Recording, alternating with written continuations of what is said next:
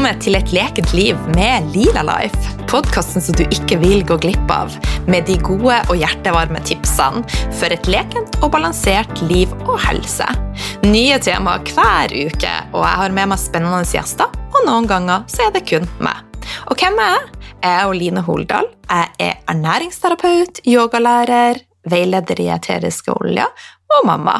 Jeg har en brennende interesse for en naturlig helse, miljø og dyrevelferd. Og jeg er i over gjennomsnittet nysgjerrig, og mitt mål er å dele mest mulig med deg. Jeg har vært alvorlig syk i mange år, eh, men nå er jeg 44, og livet det smiler. Mitt mål er å vise deg at det er mulig å gjøre en stor forskjell med små endringer. Kos deg med podkasten Smask ifra meg. I dag så har jeg med meg ei veldig spennende og inspirerende dame. Hun er skuespiller, coach og ei svært samfunnsengasjert dame. Hun har annet spilt i filmen Varg Veum, Din til døden, og jeg har sett henne i Hotell Cæsar, har du? og etter nyttår så kan du også se henne i Kjendisfarmen. Så sjøl så møtte jeg dagens gjest for første gang når vi begge holdt foredrag på en kvinnehelsekonferanse i februar. Og ikke hadde hun bare et superbra foredrag, men jeg opplevde henne som utrolig hjertevarm og åpen, for hun inviterte meg faktisk til å få låne hotellrommet sitt. det var helt fantastisk. Så hjertelig velkommen til deg, Sølje Bergman. Tusen takk, Line. Jo, det var en sann glede å låne hotellrommet til deg, skjønner du. Ja. Jeg måtte ut og shoppe noen greier og sånn, så tenkte jeg åh, det er så deilig når man kan dele på sånne ting. Det er jo klart, det. Ja, men det satte jeg veldig, veldig stor pris på. Du, i dag så skal vi prate om eh, veldig mange forskjellige spennende tema, blant mm. annet forskjellen på selvfølelse og selvtillit. Ja. Forskjellen på sårbarhet og svakhet hvordan vi kan finne styrke og motivasjon til å leve godt i en litt annerledes hverdag, hvordan vi kan eh, finne de små boblene i hverdagen. Mm. Hvordan vi kan droppe burde, skulle, måtte. Mm -hmm. Og hvordan bli fri. Så hjertelig velkommen igjen! Ikke sant. Det er alt jeg trenger å vite, så føler jeg som et fritt menneske etterpå. Ja. Eh, på en kjapp måte, da. Quick fix. Quick, quick fix. fix. på en time. Ja, ja. men Nå er jo ikke jeg noen fan av quick fix, men dette er noe som vi må dra med oss i livet generelt. Ja, det er det det handler om. Å touche innom uh, veldig viktige, store temaer som uh, selvfølgelig engasjerer meg langt inn i hjerteroten. Og da er det så hyggelig at jeg kan være gjest hos deg, for det, da betyr det at det interesserer deg òg. Det gjør det. Og det vet jeg jo litt, eh, så det, så det, gleder jeg meg til å snakke om, Line. Så bra. Men du, før vi setter i gang ja. med disse tingene, så er jeg jo en ekstremt nysgjerrig person. Bra, det er jeg jo. Hvordan starta du dagen din? Ja, Åh, det var litt av en dag å spørre om det på. Altså, jeg kan si det alltid, altså ufravikelig alltid, alltid starter dagen min med, det er en iskaffe. Hvis ikke jeg kan våkne opp og vite at jeg kan lage meg eller få eller skaffe meg en iskaffe, så er dagen bitte litt dårligere akkurat da. Det ordner seg stort sett, men eh, Så sånn starter jeg dagen, Line, bare så du vet det. Men hvorfor eh, akkurat iskaffe? Altså, jeg, vet, jeg er veldig glad i kaffe, og vi har sånn kafémaskin hjemme, og jeg, um, så jeg får sånn ordentlig god kaffe, men så er det noe med det med det kalde, så får jeg jo Jeg er ikke noe frokostmenneske, så da med melk også, og kaffe, og så isbit, så får jeg sånn for meg er det sånn forfriskende, rett og slett. Ja. Så, det, så, det, er ikke så mye koffein, egentlig. Det er smaken. Og så tar jo jeg sukker i. Ja. Brunt sukker, da, men sukker i. Eh, så jeg får liksom alltid ett i den, da. Det er sånn Ja, det, for meg er det en superstart på dagen. Ja, Og vanlig melk? Ja, økologisk lettmelk eller ekstra lettmelk eller ja. ja sånn. Men, eh, og så hadde jeg Og så kjører jeg jo barn til skole når det er busstreik. Uh, og så pugger jeg tekst, for jeg skal sette opp et teaterstykke til helgen. Uh, så jeg er langt inn i tekster og sanger og sånn. Uh, og så syklet jeg ned hit i regnet, og det var kjempedeilig. Og ja. hørte på deilig musikk. Så da Nå er jeg på plass her. Vet du hva, jeg må bare si at du syns sikkert det er kjempedeilig med regn, men jeg kommer fra Bodø nå hvor det har regna elefanter i en måned, så har det vært sol her, og så vil det faken ta meg regn når jeg kommer hit. Ja, men jeg er ikke glad i regn. Oh, ja, ok. Nei, men må jeg, så må jeg, på en måte. Og da klarer jeg å nyte det. Ja. Fordi, og det er det vi skal snakke om i dag. Hvordan ikke sant, snu dette ja, ja. hodet ditt og tenke litt mer positivt på ting. Ja. Og da tenker jeg det er sikkert akkurat det jeg trenger nå. Er den friske luften og litt regn og regn og rufs. Ja. Mm. Men det kan vi overdose også, det kan jeg love deg. Ja, det skjønner jeg. Det, og det er ikke jeg heller interessert i, altså overhodet. Men jeg tror, når jeg våkna i dag og jeg visste at det skulle bli regn her i Oslo, så tenkte jeg at det var en mening med det. For at hadde det vært sol her i dag, så hadde jeg tenkt åh, jeg vil ikke hjem. Men nå er det meldt sol i Bodø, så det er jo for å dra meg hjem der, dit jeg skal være. Ja, ikke sant? Og det er jo akkurat det. Der klarer du å snu det til noe positivt. Ja. Det, det er jo dette vi kan styre selv, vet du. Ja. Så vi må ta i takt på det området. Ja. Men du, em, for de som kanskje ikke vet hvem du er, og fortell oss litt om deg sjøl og de reiser. Ja, altså jeg er jo en sånn steinskolejente, da, som har gått på steinskolen i tolv år, eh, og drev masse med, da spilte jeg fiolin, så jeg drev veldig mye med klassisk musikk. Eh, men så har jeg alltid vært en ekshibisjonist, det er jeg ærlig på, så, og det å stå på en scene har jeg alltid elsket, og på steinskolen fikk vi gjort veldig mye teater. Så um, lang historie kort, da ble jeg dratt til New York, hvor jeg ble i fem år, hvor jeg tok teater- og filmutdannelse, var med i Sopranos, du vet den store TV-serien. Har du vært med der òg? Ja, Hvorfor har ikke jeg det med i Nei, for da kunne jeg si det nå, da, vet du, og så var det en liten surprise, surprise. Eh, og så eh, Men jeg ville ikke bli amerikaner, jeg er en europeer, så jeg kom hjem igjen. Ja. Eh, og jobbet som eh, skuespiller. Giftet meg med Sienik Hoff, som også er eh, skuespiller.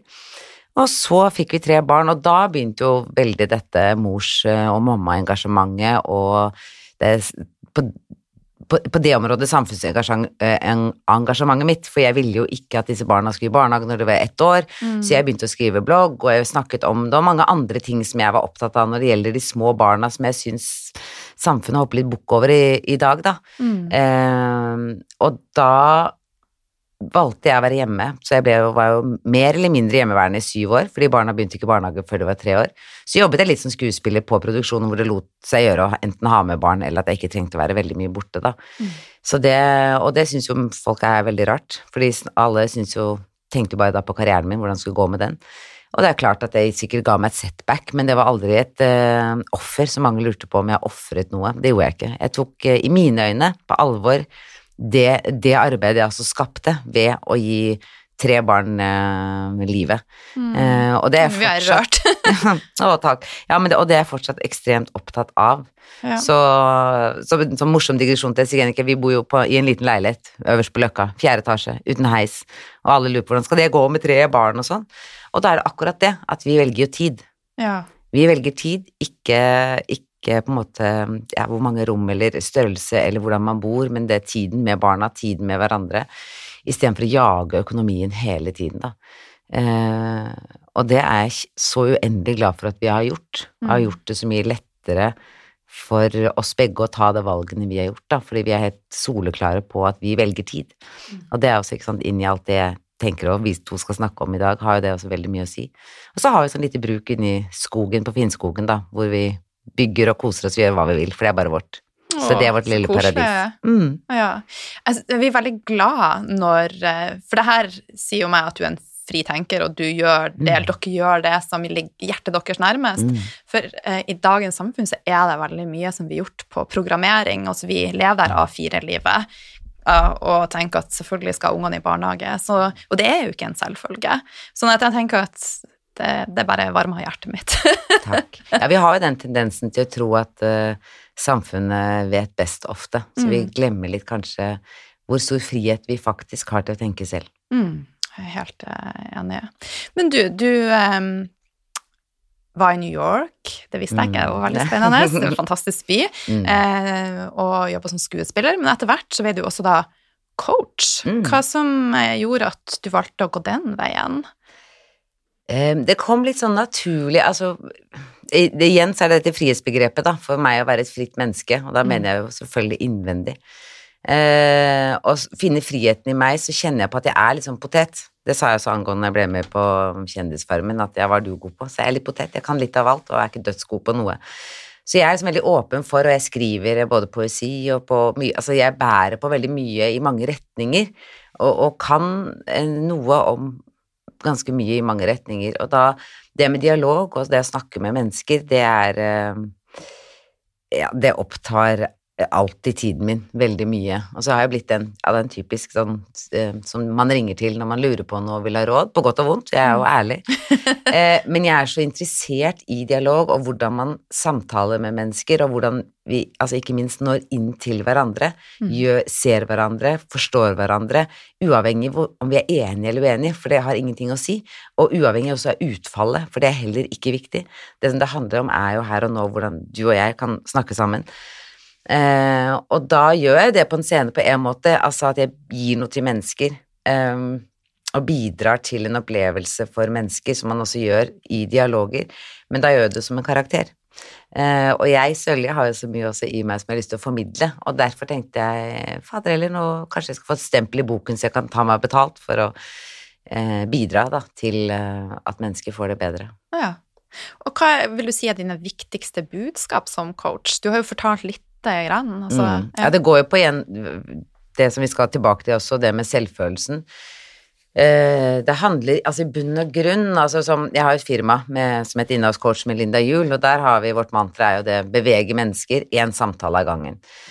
Så uh, det viktigste for meg er at vi mennesker skal tørre å være så ærlige at vi vil og ønsker denne åpne dialogen og samtaler, mm. eh, eh samtalen for å kunne eh, finne veien videre, komme oss fremover, bli beriket, bli berørt, og ikke minst tørre å ta valg da, ut ifra hvem du er, uavhengig av verden der ute, for det er den, den største trusselen mot selvfølelsen, er jo verden der ute.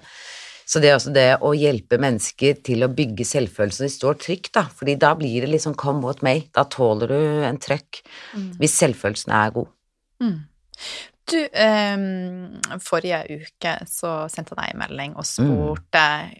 er det noe du virkelig brenner for og har lyst til å mm. prate om, og da kom du svar med en gang, og du ga meg noen clues. Eh, men en av de tingene, det var jo god selvfølelse kontra selvtillit. Mm. Og jeg tror um, mange kanskje ikke vet helt forskjellen på disse to begrepene. Kan du forklare oss litt hva ja, forskjellen er? Absolutt. Altså, jeg oppdaget det litt sånn på egen hånd, at jeg, eh, jeg ser det at man eh, bruker begge ordene om hverandre. Eh, man blander de, og det tyder også på at man ikke vet helt forskjellen. Mm. Og så er det det Utgangspunktet mitt er at jeg ser nå at verden, skolesystemet eller samfunnet vårt som jeg lever i, de bygger veldig opp barn og unge, og også voksne, på selvtillit. Ikke sant? Og det er jo resultatorientert. Jeg skal ikke hoppe linjen, jeg skal gå tilbake for å definere forskjellen først, og så er det kanskje lettere. For selvfølelse handler jo om hvordan du, du har det inni mm. deg, hva du tenker om deg selv, eh, hvordan du føler om deg selv, om du har det godt på en måte i i, i, i, din egen hud, altså om du trives med deg selv. Selvtillit er jo prestasjon, hva du får til, hva du mestrer, resultatorientert. Eh, og samfunn, skole er jo bygget opp på det nå, ikke sant. Og så flink du er, fikk du bra resultater, eh, alt du mestrer, alt det er topp. Mm. Men det finnes jo så mange mennesker som har en kjempesuksess med selvtilliten i god behold og har en god selvtillit, men som går hjem, kler av seg klærne og står nakne og gråter, på en måte, fordi de, de har ikke bygget selvfølelsen. Og da tenker jeg, hva skal man med selvtilliten da? Mm. Eh, så det å bygge selvfølelse, det må vi sette fokus på i skolesystemet, i, som foreldre, eh, eh, og ikke minst oss selv. Jeg jobber jo med den Du blir aldri ferdig med å jobbe med en selvfølelse, for den vil jo også få seg noen eh, venstrehooker og få noen skraper og skrammer. Og du må jo skrape deg selv opp noen ganger også, men da må du ha liksom verktøyene og kunnskapen til å klare det, da. Mm. Og det du sier nå, er så utrolig viktig, og jeg hører um, Det er ikke så lenge siden jeg hørte historier om en, en, et, en unge som hadde kommet hjem og fått eh, fem på en prøve, og var så glad. Og det mora gjorde da, det var å sende en mail til læreren og bare 'Men dette burde jo ha vært en seks, sekser.' Og da mm. bare knus den gleden. Men det er jo liksom bevis på at så mye er lagt opp til at vi skal prestere og ha de beste karakterene. Og det her passer jo ikke for alle. Det er et sånn typisk at vi skal pakke alle inn i samme boble. Er vi, jeg blir forbanna når jeg tenker ja, på det? Ja, og jeg har også hatt sånne opplevelser. Men det, du kan tenke deg hvis det barnet kommer hjem med en femmer. Hvis da moren hadde spurt Du har fått en femmer. Hva tenker du om det? Mm. Hva føler du om det? Gjorde du ditt beste? Var det noe du ikke klar, klarte? Altså, du må jo ha igjen da den dialogen for å skjønne hva det handler om. Før også eventuelt moren, la oss si da, at det viser seg da til syvende og sist at hun hadde fortjent en sekser. Men det er, liksom, det er hvordan vi gjør disse tingene, det er hvordan vi snakker. Og jeg har jo da troen på at med en god selvfølelse så vil du også klare å, å føre en bedre dialog. Så jeg gjør akkurat det samme med ja, Min eldste er jo tolv, og hun kom også hjem med en eh, prøve som hun har gjort det kjempebra på. Og jeg ser at hun bare står og venter på hva jeg skal si. Ja. Og så sier ikke en så jeg, Oi, så fikk liksom alle riktig. Ja, hva tenker du om det, da? Nei, det er jo bra, det. Jeg øh, syns du hadde øvet nok, eller ble du overrasket, eller Nei, jeg trodde kanskje jeg skulle få det. Hun var kjempeglad, og så står hun og tripper videre, så jeg, jeg vet at du venter på hva jeg skal si. Så sa jeg, og jeg syns det er helt topp, og jeg er glad på dine vegne, for det gjør det jo det er godt for deg at du har det bra nå, men du skal vite at du skal aldri gjøre lekser eller få bra på prøve for meg, for pappa eller for læreren. Du skal alltid gjøre det for deg selv, for det er du som skal videre i livet med dette, med den kunnskapen og med det du lever i. Og da fikk hun litt sånn store øyne, så jeg begynner i sånne små drypp nå, da, ikke for mye, for hun er jo et barn, men å gjøre henne bevisst på at hun skal eh, Der skal man først tenke på seg selv. Hva tenker jeg nå, hva føler jeg nå når jeg får dette på prøven, ikke hva kommer mamma og pappa til å si. Så viktig. Mm. Men i forhold til det med selvfølelse, hva er dine beste Du har gitt noen tips, men hva vil, hvis du skal oppsummere, hva er dine, dine beste tips til å bygge opp det her fundamentet i oss, sånn at vi er glad i oss sjøl? Ja, ikke sant. Det er jo en, eh, det er en stor gåte, for det er veldig individuelt, men eh, det er klart det finnes noen tips. Um, altså nummer én, som er et veldig enkelt, eh, som man ikke trenger noe videre kunnskap for, er å spørre seg selv egentlig rett og slett hver dag. Hvordan, hva syns jeg om meg selv i dag? Hvordan har jeg det i dag? Og hvis du ser deg i speilet sier 'gud, i dag var jeg trøtt og grusom', og dette var bare Altså, denne dagen her kommer til å bli så dårlig. Så si, men, eh, men hva bra kan jeg allikevel klare å bidra med? Um, så det er noe med å minne seg selv på hver dag, da, hva du tenker om deg selv, og om det er berettiget. Det er jo disse standard, Vi har disse standardfrasene, det jeg sier til andre, eh, hvordan ville jeg sagt det til meg selv, eller omvendt, vil antagelig snakke mye styggere til deg selv enn du gjør til andre mennesker. Altså, vi er jo vår verste fiende. En annen ting er jo å bli kjent med hva det vil si da, å bygge og ha en god selvfølelse, og det handler jo først og fremst hvem er jeg, og hva er viktig for meg, og da kommer vi til, eh, i coachingverdenen kaller vi det et verdisystem, verdiene våre. Eh, Det høres kanskje vanskelig ut, men verdiene, og du kan jo masse om dette, Line, men det, det er jo ikke sant hva, hva er det som er viktig for meg i mitt liv, og da for meg kan jeg ramse opp eksempel frihet, tillit, ærlighet, trygghet, ikke sant, og så videre og. Eh, det er sånne fine ting man kan skrive ned, for det er sånne elementære ting som er viktige for en, som vi ofte legger lokk på for å tilpasse oss noe annet som er der ute, eller samfunnet, eller et eller annet, så vi glemmer det. Og i det øyeblikket du glemmer hva som er viktig for deg, så vil jo også selvfølelsen avta. Mm, Kjempeviktig.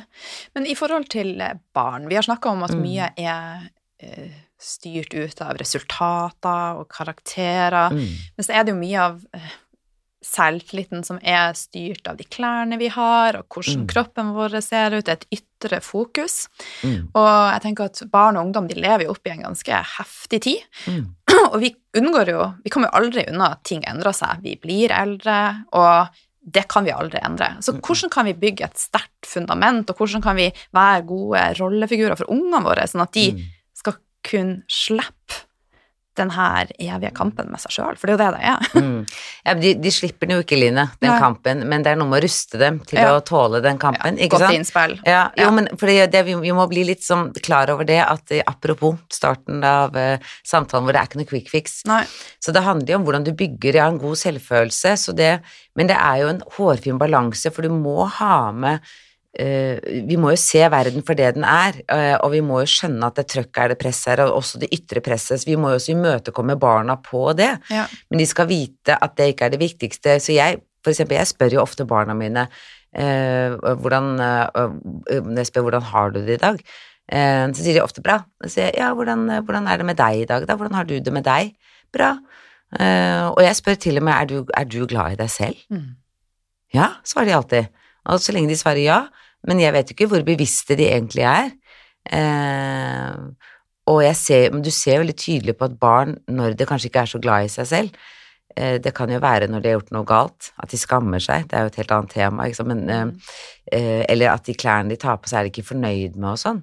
Eh, og da er det jo hvordan møter du dem på det. Det er så viktig å si jeg skjønner at ikke du er fornøyd med de klærne, men jeg kan love deg at du er akkurat den samme søte, deilige, og du er like fin. Så det er ikke alltid klærne er det viktigste. Men hvis det er så viktig akkurat i dag, hvordan kan jeg hjelpe deg? Eh, så jeg tror det er Og så er det det å være et forbilde, da. Ikke sant? Og vise Jeg er jo veldig opptatt Mine barn ser jo Jeg er jo en som elsker å stæsje meg, jåle meg og gå i ikke sant, 20 cm høye hæler og ta-ta-ta-ta med jentene og høy champagneføring.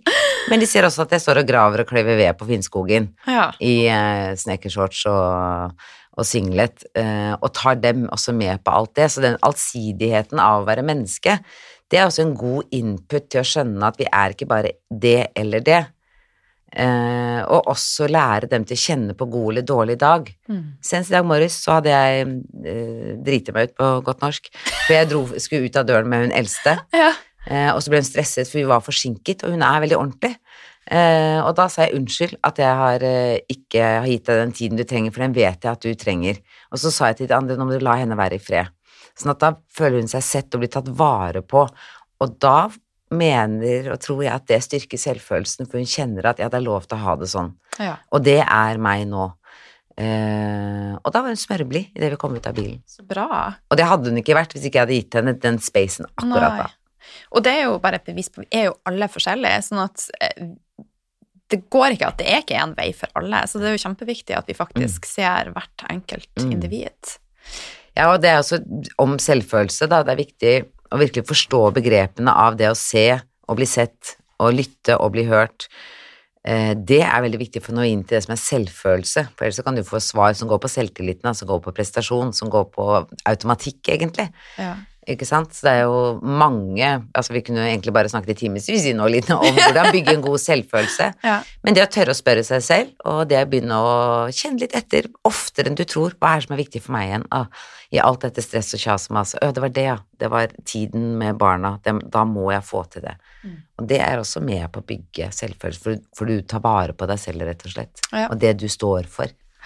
Har du noen sånn ting du bare gjør i hverdagen eh, for å styrke din egen selvfølelse? Rutiner, vaner? Altså, jeg er jo ikke det beste mennesket å spørre om rutiner, for jeg er ikke så glad i rutiner. Det er veldig befriende at du er ærlig. Ja, veldig. Eh, Folk er jo opptatt av rutiner, om det er eh, hudrutiner eller klesrutiner eller hvilerutiner eller trenerrutiner. Altså, jeg er ganske dårlig på det, Line. Jeg er litt sånn spontan og her og nå og tenker liksom hvordan kan jeg få det bra her og nå og fremover hele tiden. På godt og vondt, da. Men så har jeg noen rutiner som jeg må forholde meg til. Altså, jeg har jo tre barn, og skole og mat og den slags. Men jeg syns det holder i bøtter og spann. Men det jeg gjør litt på automatikk, men også bevisst, er at jeg bruker eh, Da bruker jeg egentlig ting rundt, rundt meg for å styrke min egen selvfølelse. Det kan være å eh, skrive ned noe jeg tenker på, eh, som gir meg jo en god selvfølelse på at jeg klarer å uttrykke det. Eh, musikk er et enormt eh, fint eh, verktøy, eh, som når jeg syklet ned hit nå. Jeg har akkurat funnet en ny sang som et tenor, klassisk tenorkor synger.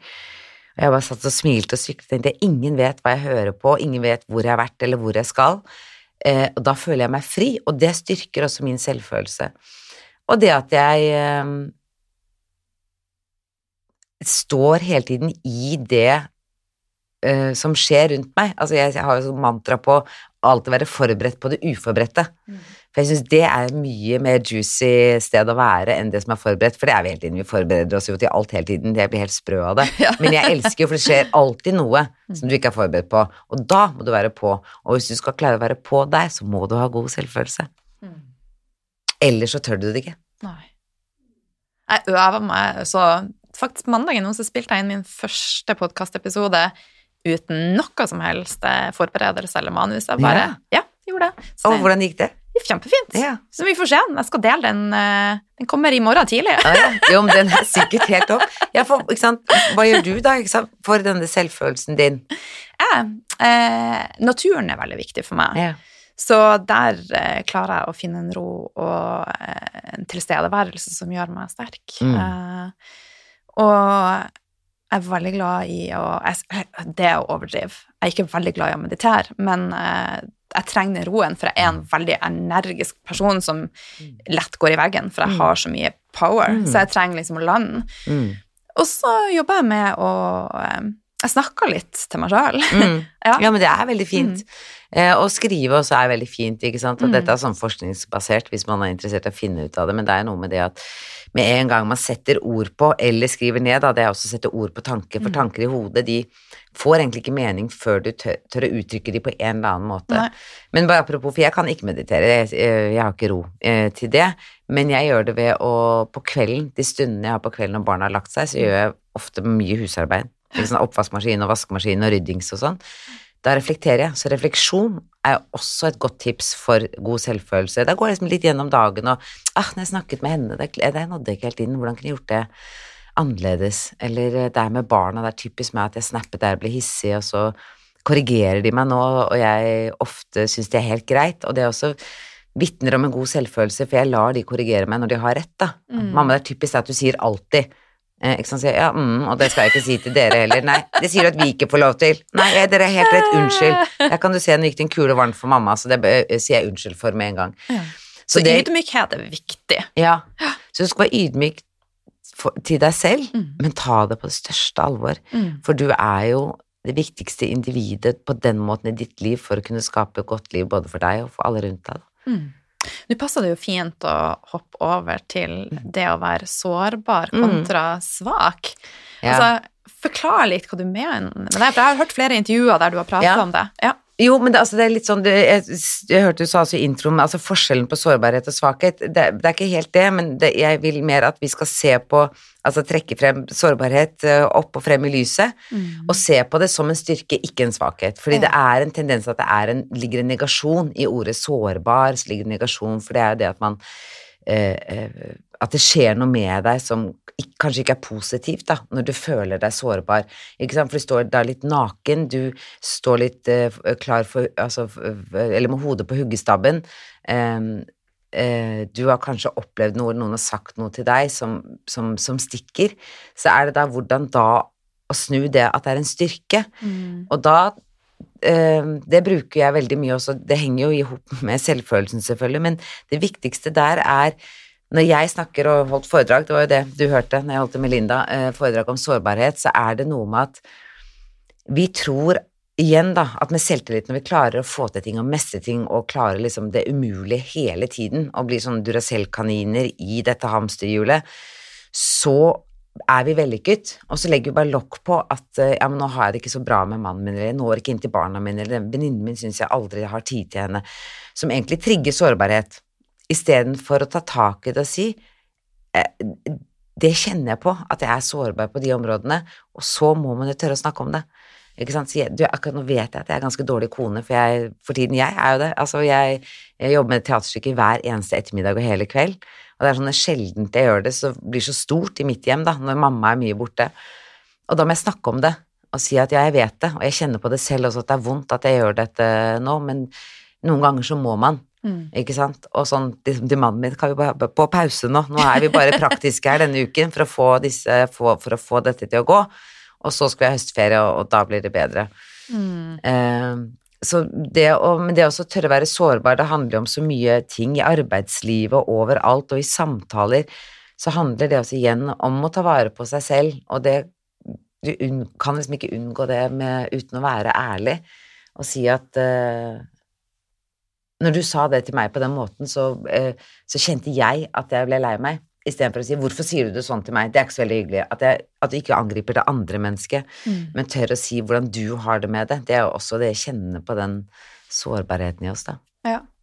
Og du snakker om det her hamsterhjulet, for at jeg tror vi også er ikke programmert, ja, kanskje programmert, men vi tenker at vi må gjøre noe hele tida. Vi må liksom eh, stå på, vi må være sterk.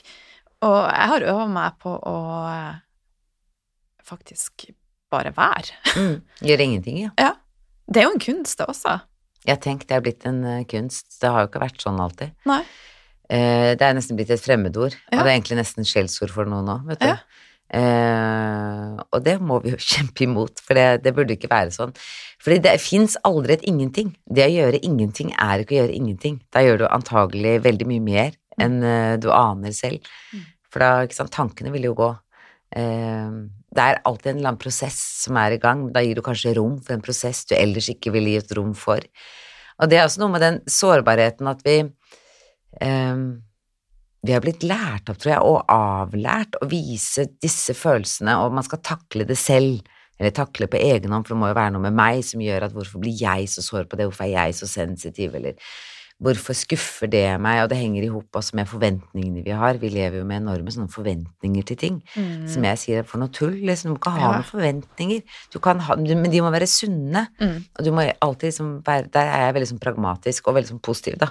Så jeg kan godt være ha, ha forventninger og være fordomsfull og ha tanker og negative tanker, men jeg lar liksom ikke det komme først inn døra. Jeg kommer inn først døren. Helt åpen, og se hva som skjer. Apropos være forberedt på det uforberedte.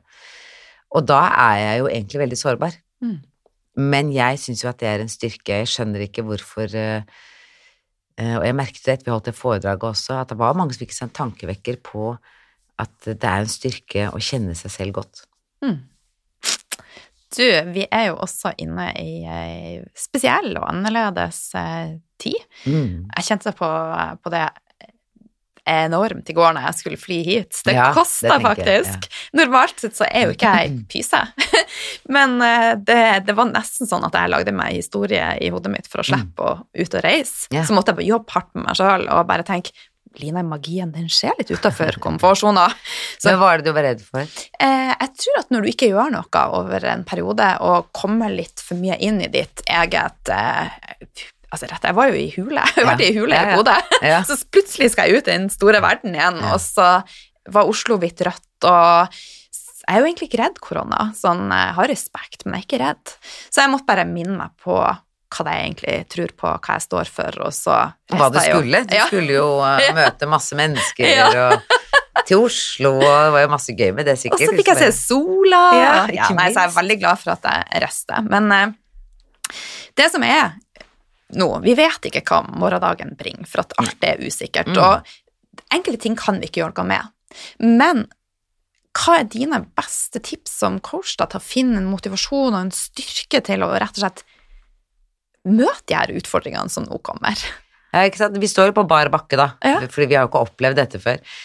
Jeg har kommet frem til ett ord som blir veldig viktig for meg i den tiden, har vært den, det midlertidige ordet. Ikke sant? Det går igjen som en sånn spøkelse nå, for alt er så midlertidig. Ja. Eh, så jeg er liksom forkastet usikker, for det er som oppe og vedtatt at det i hvert fall er usikkert.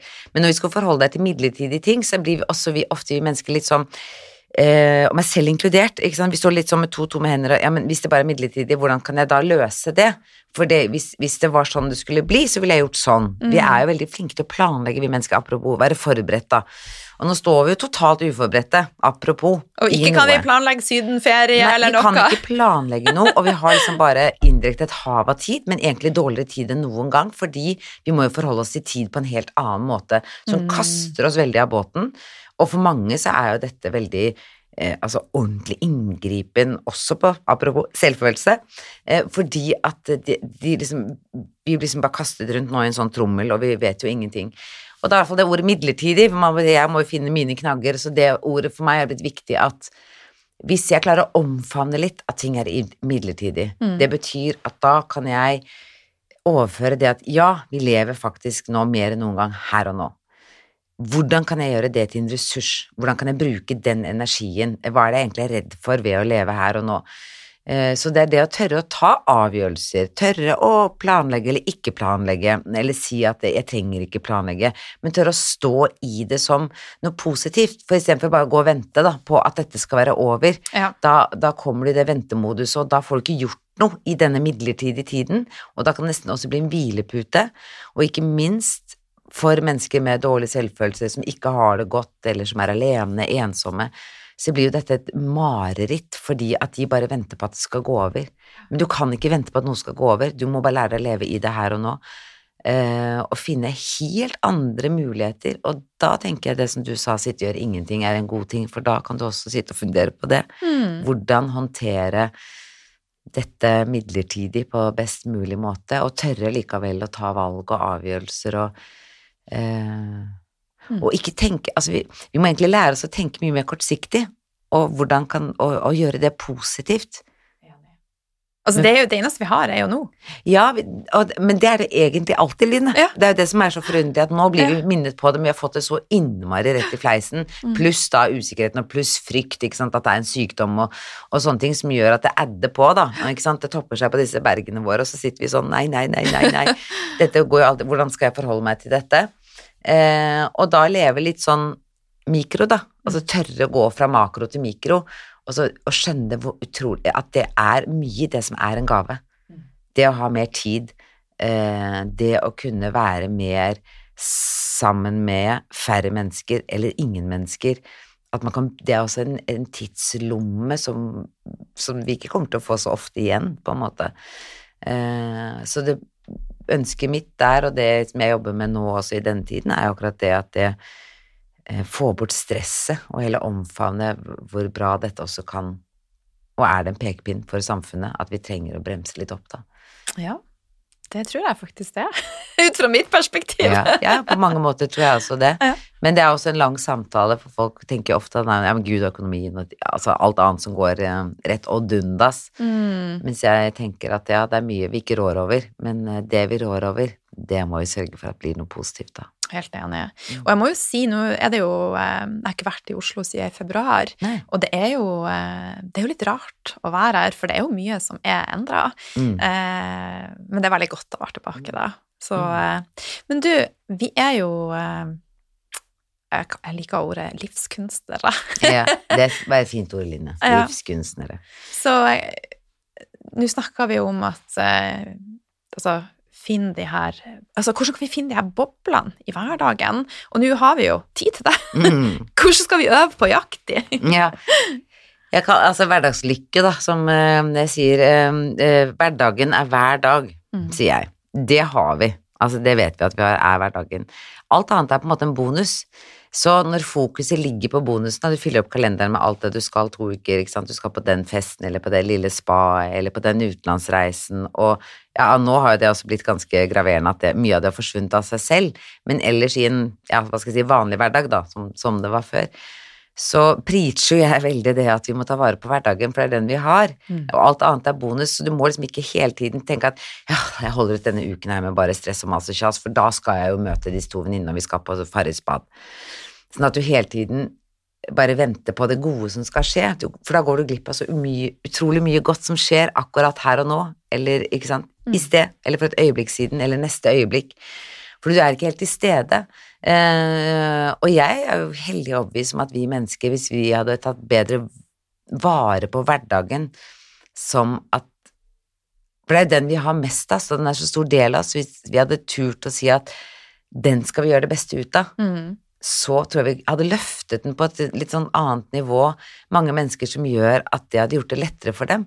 For da tror jeg også du tåler bedre stress og utfordringer. Og så blir det ikke så viktig så viktig med det Farris-badet, for jeg, jeg tror ikke på at det kan være så viktig. Innimellom er det selvfølgelig vidunderlig, om vi fortjener det, og alle disse tingene med disse bonusene og gulrøttene. Men hvis det er det du hele tiden higer etter, er neste gang du skal ha den følelsen, så ja, hva imellom da? Hvordan lever du egentlig da? Og det er også igjen tilbake til selvfølelsen, ikke sant?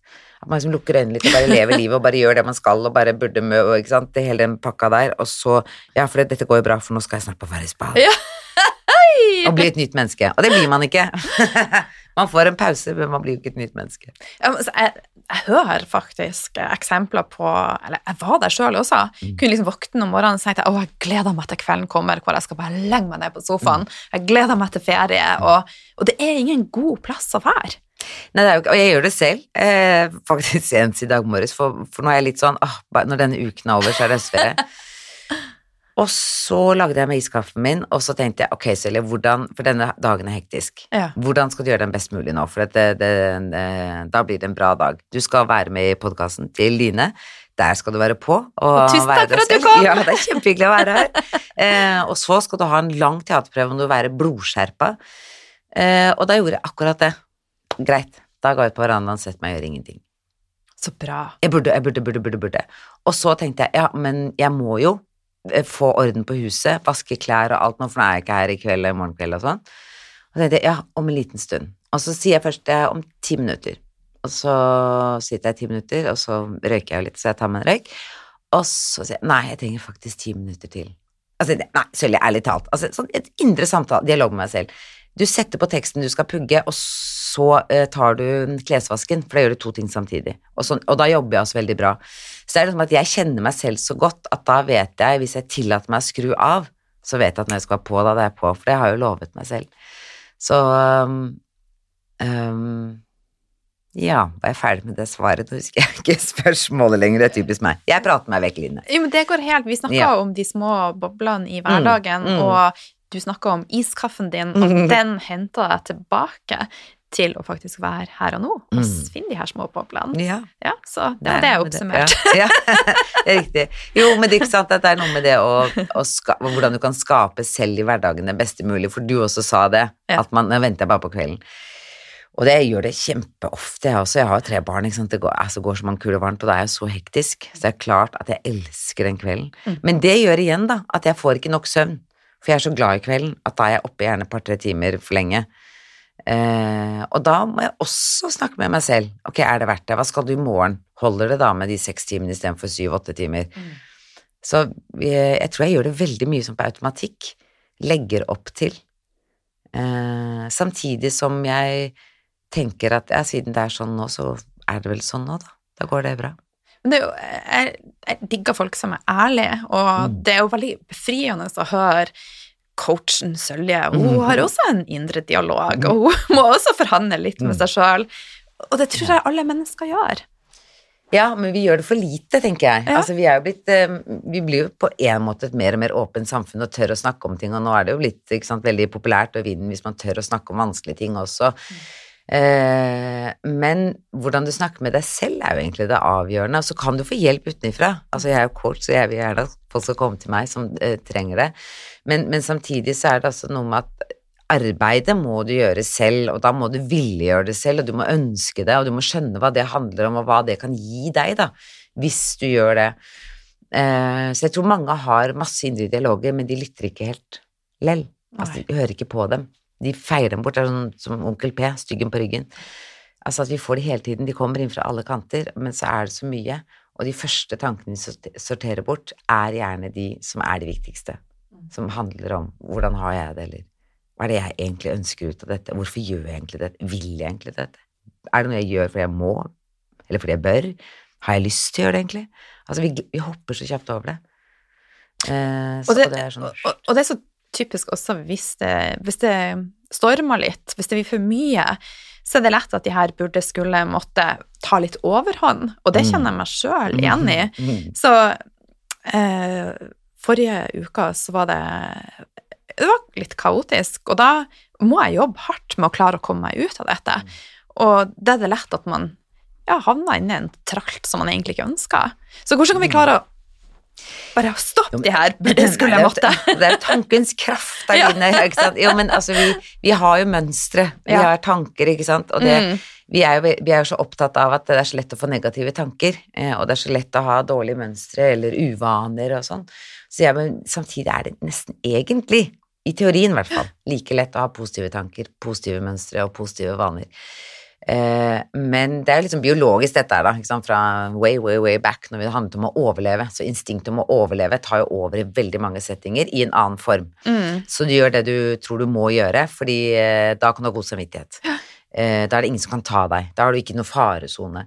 Men i det øyeblikket du spør Ja, de forventer at jeg skal eh, hente alle de barna og kjøre de, for vi snakket om det forrige uke, og så kjenner jeg i dag at det har kommet noe at jeg har ikke sjans. Mm. Hva gjør du da? Klemmer du det inn, da? Og så går det på bekostning av noe annet? Eller at du, klarer alt, men eh, har glemt deg sjøl hele den dagen? Eller klarer du å si ifra Hei, kan, er det noen andre som kan hjelpe meg her i dag, fordi at eh, nå kjenner jeg at det, ble, det, det er for mye for meg. Uh, og det tror jeg er veldig sånn det med bør og må og skal, uh, kontra lyst, da. Det, det spørsmålet vil også stille oss oftere. Eh, og det må i hvert fall jeg stille meg selv ofte, du, for jeg er en veldig sånn som skal, bør, må-person. Selv om jeg klarer å snu ting til å bli lystbetont òg, men eh, som mannen min sier det, hva skal stå på gravsteinen din da? For lang og tro tjeneste for å være best i klassen. Så jeg får liksom, eh, jeg blir påminnet om det at jeg er en veldig sånn duer, og gi, altså jeg liker å gi og hjelpe, Ja. Eh, men samtidig så er ikke det, det er ikke noe å klappe meg på skulderen for. For jeg blir liksom, man blir dumsnill, man går på akkord, og for hva, for hvem? For det handler til syvende og sist egentlig om selvfølelsen. Når jeg gjør det for dem, så blir de glad i meg og sier tusen takk, Sølje, og så får jeg det bedre. Men det er ikke en riktig måte å bygge selvfølelse på, for da er jeg avhengig av de andres eh, applaus eller de andres eh, godord. Mens det er jo jeg selv som skal gi meg de godordene. Det er et bonus at andre gjør det. Så viktig, ja. Ikke sant? Det er et Ja. bonus at de andre gjør det, men det at jeg kan ta imot eh, det til meg selv, si åh, så bra, Sølje, at du sa nei til det, for det vet du at det var å gå på akkord med deg selv, istedenfor å si jeg burde ha gjort det, for da hadde jeg gledet dem. Og hvis du snur vil, så Mhm. blir det liv. Så det er jo bare Ja. mm, Er ikke det litt Ja, positivt å det er tenke på? litt gøy. Ja. Men du, hva gjør deg. Mm. skikkelig glad, da? Iskaffe. det gjør meg faktisk skikkelig glad. Nei, det er noe sånn med det, altså For eksempel i dag når jeg syklet ned hit, så jeg kommer til å si den igjen, det gjorde meg skikkelig glad, for da tenkte jeg nå skal jeg høre akkurat på den sangen, det er veldig sånn melankolsk, vakker sang som bringer frem følelsene i meg, samtidig som det gir meg ro, og så var det akkurat den, for jeg liker så godt den følelsen av å være i når jeg er sånn byjente. Jeg elsker det urbane og det, ikke sant, eh, eh, rytmen og summingen og hummingen av et sånt byliv, men å bare være i det, men i min verden. Og da med headset, da, så, så hører jeg ikke, tar jeg jo ikke det inn, men jeg ser det. Eh, og sånne, det blir sånn øyeblikk gjør meg skikkelig glad. Eh, jeg elsker øyeblikkene og de som overrasker meg, og, så jeg har ikke noen fase på å gjøre meg glad, for det, det, ikke sant, det er ja, det Det er de her små boblene. Ja, og det blir Ja. overrasket hver dag hva som egentlig gjør meg glad, da. Eh, jeg må jo si at det gjør meg like, like mye sånn skikkelig glad at jeg får din henvendelse om å være med her, som å være med i det teaterstykket. Ja. Som at eh, datteren min sa til meg i går 'Mamma, jeg er glad i deg', eh, og jeg vet at du blir så glad når jeg sier det før du har sagt det. Sånn lite, de gjør meg kjempeglad. Ja. Eller når eh, mannen min sier 'slapp av, jenta mi, jeg skal skifte batteriet på den elsykkelen', så slipper du å gjøre det. Da blir jeg skikkelig glad, jeg. Sånne Ja. små ting. For jeg er, veldig, jeg er ganske lett å glede. Det skal ikke så mye til. Men det gjør jo selvfølgelig også at da hverdagen min blir ganske mye enklere å håndtere. For det er ikke de store tingene som gjør meg kjempeglad eller kjempelei meg, og det er ikke de store tingene som styrer eh, meg. Jeg er sånn på sånn Der er jeg veldig på sånn mikroplan, og spontanitet gjør meg kjempeglad. En, Eh, hva får deg til å føle deg fri, da? Her kommer de store, Ja, de store spørsmålene. spørsmålene. Nei, å føle meg Hva får meg til å føle meg fri? Det er jo det at jeg blir Når jeg blir sett og hørt og behandlet og imøtekommet for den jeg er, så føler jeg meg fri. Men så føler jeg meg også fri på de tingene jeg gjør for meg selv. Mm, At jeg ikke føler når jeg, når jeg kjenner på at eventuelle plikter, eller det andre kaller plikter, at jeg sier drit og dra i dem, for jeg er fri, så jeg kan gjøre hva jeg vil. Eh, at jeg burde gjort sånn og sånn, men jeg ser heller se på Netflix. Det er lov. Det er en frihetsfølelse. Men Og er det, NRK også er helt eh, Ja, altså, er hekta på den nye serien med hun eh, jeg er ferdig med den allerede. Er det Et bedre liv, nei, hva heter den? Nei, den eh, Norsk-ish. Har du sett den? Nei, den har jeg ikke sett. Nei, den kom, tror jeg kom i går, Ja, den, ja, ja, nei, ja, den gleder jeg meg til å se. Ja, den er jeg nesten ferdig med. Ja, den er din med. Men jeg du kommet lenger enn meg? Altså, guilty pleasures. Hjelp meg å følge frihet. Jeg tenkte på den sykkelen hit, at jeg må huske på å si 'der kom den'. Det var bra, Line. Jo, men jeg viser for jeg blir rett og slett litt forbanna på de som er Nei, vi kan ikke se på TV, vi kan ikke gjøre sånn. Da ser jeg mer på TV, da vi er litt sånn fandenivoldsk. Mm, ja. Og lese bøker gir meg frihetsfølelse. Det å Ja. forsvinne, men å være likevel, gir meg frihetsfølelse. Men så gir det, gir meg frihetsfølelse også når jeg ytrer noe som jeg står for, uten å ha tenkt hva vedkommende vil mene om det. Så er det, liksom, det er så uendelig mange måter å føle seg fri på, men det viktigste av alt for, å, for meg å føle meg fri, er jo også det at jeg kjenner at jeg har det bra med meg selv. Da er jo jeg fri. Men eh, for lytterne, da, hvis du skulle mm. som coach Mm. gi noen enkle tips til hvordan de kan føle seg fri, for at det kan jo For første gang nå når jeg skulle ut og reise, så følte jeg at min frihet var litt sånn Begrenset. begrensa, ja, egentlig. Jo, men er den det? Eh, Nei, den er jo ikke det. Fordi at eh, eh, det ytre begrenses jo nå, ikke sant? Det som er utenfor deg. Men Mm. din indre frihet, den eneste som kan begrense den, er jo deg. Mm. Eh, Nelson Mandela eh, er jo et godt eksempel. Han sa at men, eh, de kunne ta fra meg alt, men ikke tankene mine. Og det er noe med det at vi glemmer hvor sterke og mye som bor i oss, da. Så for, eh, for ikke å snakke kryptisk og altfor filosofisk, for det, for det elsker jeg, så er det noe med at det å kjenne på og kjenne seg fri, da må du rett og slett eh, Nummer én, du må sette deg og tenke ja, hva, hva er det? Hva er frihet for meg? Og da må man bare skrelle vekk det ytre. Eh, Men frihet kan være å gå og ta et glass champagne på en onsdag klokken tolv. Mm. Det gir meg også en frihetsfølelse personlig. Men du må først spørre deg selv hva, hva, hva er det som gjør at jeg føler meg som et fritt menneske? At jeget mitt er fritt.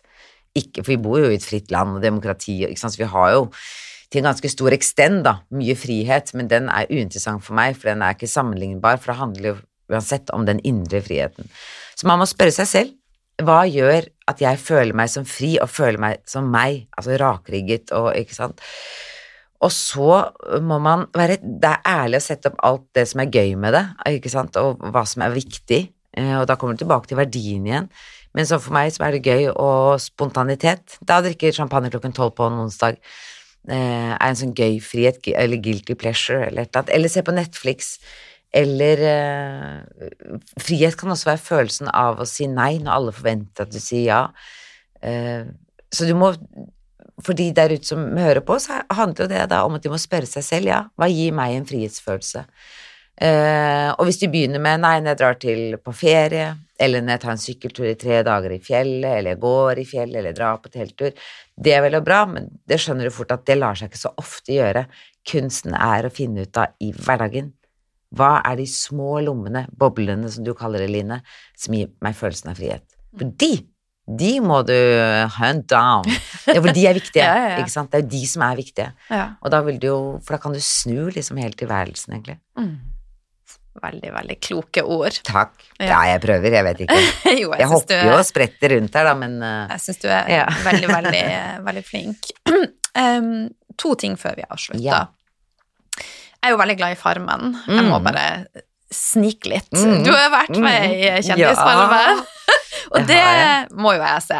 ja, Hvordan nå var du det? Det er fantastisk. Det, apropos alt det vi har snakket om nå, Line. Det å bli fratatt eh, tid, sted og rom, holdt jeg på å si. Altså at du bare er på et sted, og du har ikke noe klokke, og du har ingen forstyrrelser. Det gjør noe med deg som menneske. Eh, og hvis du kjenner godt etter og tar på, måte, på alvor for det det er, så er jo det virkelig en påminner om å leve her og nå. Vi har jo ikke noe annet enn her og nå, eller den dagen, og så neste dag. Og det å ikke bli forstyrret, jeg skulle, det kjente alle på. Gud, og deilig det var. Egentlig. For det er ikke noe telefon eller Nei, noe ingenting. Vi har ikke klokke engang, så vi Nei. visste jo ikke mye tid engang. Vi har liksom bare det vi har der. Og, og så lever vi også 100 år tilbake i tid. Ja. Så er Da sånn fikk du ikke iskaffen din. Nei, da, du, den klarte jeg meg uten i uh, den stunden jeg var der. Jeg kan Ja. ikke si noe mer, jeg holdt på å røpe meg hele tiden. Uh, og det var det jeg savnet mest. Ja. Altså selvfø- eh, selvfølgelig samtidig barna mine og mannen min, altså familie og venner og sånn. Iskaffen kom først. Men av ting, for vi snakket mye om det, at det er det vi savner, for alt det andre er obvious at du savner. Ja. Men uh, da var det iskaffe først, ja.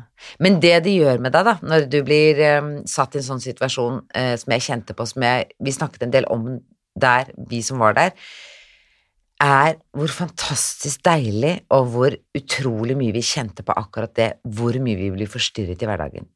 På grunn av telefon og skjerm særlig, da. At det, kommer, inn fra, altså kommer inn fra alle kanter egentlig hele tiden. Du har så mange baller i luften, og du selv tror kanskje du har to-tre, men du har egentlig hundre. Du bare, ikke, vi merker det ikke engang lenger, for vi er så vant til det. Så det å forholde seg til så mye mindre Det er jo litt farlig, at man blir jo litt sekterisk. det er sånn man lager sekt, skjønte jeg. Det er bare å samle mennesker sånn, stenge dem inne og ta bort tid og, og verden der ute. Men samtidig, det, det gir oss en frihetsfølelse, så jeg var jo ikke stressa der i det hele tatt noen gang. Selv om vi hadde masse å gjøre og Ja. Herlig. Jeg gleder meg til, Ja, det å, var kjempegøy. til å se. Og ikke minst utfordre seg eh, fysisk og mentalt, da. Eh, og kjenne litt etter hva vi er kapable til. Og det er bare en ting, Line, hvis vi har tid, som Ja, jeg skulle si. Det er apropos, fordi det er så mye snakk om det når man gjør sånne ting, en type sånn reality, eller når du lever i en annen tid, og, ja, som Farmen, da, at uh, de forbereder oss veldig på hvordan har vi det med å gå ut av komfortsonen vår. For det kommer man til å oppleve veldig mye. Det er, de snakker mye om det. Så tenkte jeg på det spørsmålet, alle snakket så mye om det, og så sånn, ja, jeg gruer meg til å gå ut av komfortsonen, men skal nok klare det, og så videre, og så videre. Så tenkte jeg, stemmer ikke? Og så satt jeg i sånn liten stund med meg selv og tenkte, hvorfor stemmer ikke dette? Nei, fordi jeg er min komfortsone. Det, min komfortsone vil alltid være min komfortsone. Så når jeg skal gjøre noe annet, så handler det ikke om at jeg går ut av den sonen. Jeg skal bare gjøre noe nytt som jeg ikke kan. Men jeg skal ikke forlate. Det var liksom veldig viktig for meg, Mm. og det har blitt kjempeviktig i ettertid. Det lærte jeg masse av. Når jeg kom på den, ble jeg veldig glad og litt stolt. Jeg skal jo ikke ut av min komfortsone. Men jeg får masse utfordringer, ja, som pepres mot meg. Men da skal jeg jo ta med, og det er igjen selvfølelsen. Det er jo min komfortsone. Ja. Så jeg skal jo ta med meg min gode selvfølelse og si 'kom mot meg', og ta utfordringene. Og da alle jeg sa til, ble sånn 'shit, det snur du helt på hodet'. Ja, sa jeg, det gjør jo det. Fordi da er det ikke så skummelt, og det er ikke så mye å grue seg for. Fordi da er det mer sånn 'ja, det kan jeg, eller det kan jeg ikke, jeg har ikke peiling, eller det går ikke'. Mm. Men det gjør ikke noe med komfortsonen min, selvfølelsen min. Lurt. Tenk på den, du, Line. Den var litt smart. Ja, det var Jeg syns jeg var litt smart når jeg kom på den. Da. Ja, jeg syns jeg også. Aller sist. Eh, Ja. Når jeg delte at du skulle være med, Ja. så, eh, så kom det en del henvendelser. Eh, for at tidligere så har du uttalt deg i forhold til vaksine. Mm. Og nå er det jo mye snakk om koronavaksine. Mm. Så jeg er bare litt sånn nysgjerrig, for sjøl så har jeg jo alltid mye tanker og, og meninger. Mm. Så hvordan stiller du deg til eventuelt eh, koronavaksine, og har du reflektert noe over det? Ja, jeg har jo det, men da er det viktig å legge til at fra de, for de fem år siden når jeg var i denne vaksinedebatten, det, det tok jeg av. Eh, så jeg har ikke et forklaringsbehov, men det handlet om at jeg er skeptisk til vaksiner. Så Mm. mine barn får vaksiner, eh, men så jeg er ingen motstander av vaksiner. Eh, det jeg er motstander av, er uærlighet og ikke eh, bli fortalt det som er sant, og et helhetlig sunt eh, bilde på ting. Og med en gang man har et valg, så Mm. er det jo naturlig at man reflekterer og finner ut hva man skal velge. Mm. Ikke sant? Og det var jo egentlig temaet mitt den gang da når vi snakket om vaksiner, at jeg har et fritt valg, eh, og jeg tenker over det valget, og det er det jeg ønsket skulle gå frem. Ja, bla, bla. Så er det sagt, i hvert fall, Line. Men da når du spør meg om koronavaksinen, så der er jeg litt klinkende klar, for der kommer jo Det er en, et annet tema enn det jeg snakket om den gang, for det handler mer om eh, Altså, da må man referere til svininfluensavaksinen. Altså når en vaksine ikke er forsket godt nok på, så er det mye de ikke vet om, og det er de ganske åpne og ærlige om. Men da er det liksom, liksom Da skal man ta Det er ett onde mot et annet, da. Ikke sant, blir det jo litt her nå. Skal du ta vaksinen og håpe at du ikke får noen bivirkninger, og håpe at du ikke uh, slipper korona, eller skal du la være og tenke at du slipper korona, eller kanskje få korona, men det går bra med deg. Så dette er to onder som er vanskelige, og det ligger frykt i begge, spør du meg. Det gir frykt øh, med en eventuell vaksine, for den har kommet veldig raskt på markedet. Mm. Og der ligger en frykt i å få korona. Eh, og det er det samme. Det er egentlig dilemma, og det var dilemmaet den gangen også med vaksiner. Og her handler det om å vite, og det er jo der mennesker er uenige med meg, hva er å vite? Er det når vitenskapen eller flertallet sier noe, Mm. eller er det noe annet? Og det er jo et kjempespennende tema. Eh, så i utgangspunktet er jeg selvfølgelig skeptisk når det kommer en ny vaksine, og jeg tror ikke jeg kommer til å være den som stiller meg først i køen, nei, det gjør jeg ikke. Men samtidig så håper jeg jo på hele tiden, og nå er det jo ganske annerledes, vi vet lite om koronaen også, vi vet lite om alt, så det handler egentlig bare om å holde seg oppdatert, eh, og følge med og håpe at samfunnet og at regjering og at Folkehelseinstitutt, alle de gir oss et helhetlig bilde. Og det kommer jo også til å bli et valg med koronavaksinen, så jeg vil bare ønske alle som hører på nå, alle der ute, at de, at de setter seg ordentlig inn i det, og ikke tar noe for god fisk. Ikke det jeg sier, ikke det myndighetene sier, men virkelig finne, bruke tid på å finne ut på egen hånd, og det er det dette egentlig handler om. At du For når jeg tar et valg, så står jeg for det. Og det er det jeg ønsker for alle mennesker. Om det er vaksiner eller eh, eh, hvordan du skal leve livet ditt, eller alt det vi har snakket om nå, så er det det å tørre å ta valg og stå i det og være sikker på Så når folk, eh, For folk ringer jo meg fortsatt og spør hva skal vi gjøre nå for helsestasjonen, sier vi skal gi vaksiner. Og så sier jeg hva vil dere, hva ønsker dere? Nei, de vet ikke, så da må dere finne ut. For det handler ikke om hva jeg sier eller hva jeg ønsker. Jeg har aldri bedt noen la være å ta vaksiner. Jeg sier det eneste jeg syns er viktig for dere, er at når dere, når dere tar et valg, om det er å gi eller ikke gi, så mener dere at det er det beste. Det er det som er viktig for meg, Mm. og som aldri come across for fem år siden, dessverre. Men nå kom det frem. Yes! Yes! Ikke jeg sagt det veldig ordentlig, syns jeg. Med det så tror jeg jeg runder av, og så takker jeg for en veldig fin samtale. Og så er det garantert noen som er veldig nysgjerrig på hvor de kan finne deg hen. Så, Ja. ja. Meg kan de finne. De kan ringe meg. Nei da. Eh, Forrige gjest, han sa faktisk 'du kan nå meg på', så sa han telefonnummeret Ja, jeg har jo ikke hemmelig nummer, så jeg bare slår meg opp. Det er nå én ting. Men når man finner meg, så har vi over på den sosiale plattformen, tenker jeg. Der er vi alle. Jeg er på Sølje Bergman. På eh, både Facebook og ja, Instagram er det vel Solje Bergman. Men så finner du meg også i coachøyemed da, på eh, business-siden vår, eh, som er Inhouse Coach. Inhouse Coach på både Instagram og Facebook. Og så er det bare å sende meg mail og ringe meg og kontakte meg der, og alt mottas. Jeg syns det er kjempegøy med henvendelser og spørsmål. Så herlig. Mm. Tusen takk for praten. Tusen takk for meg, Line.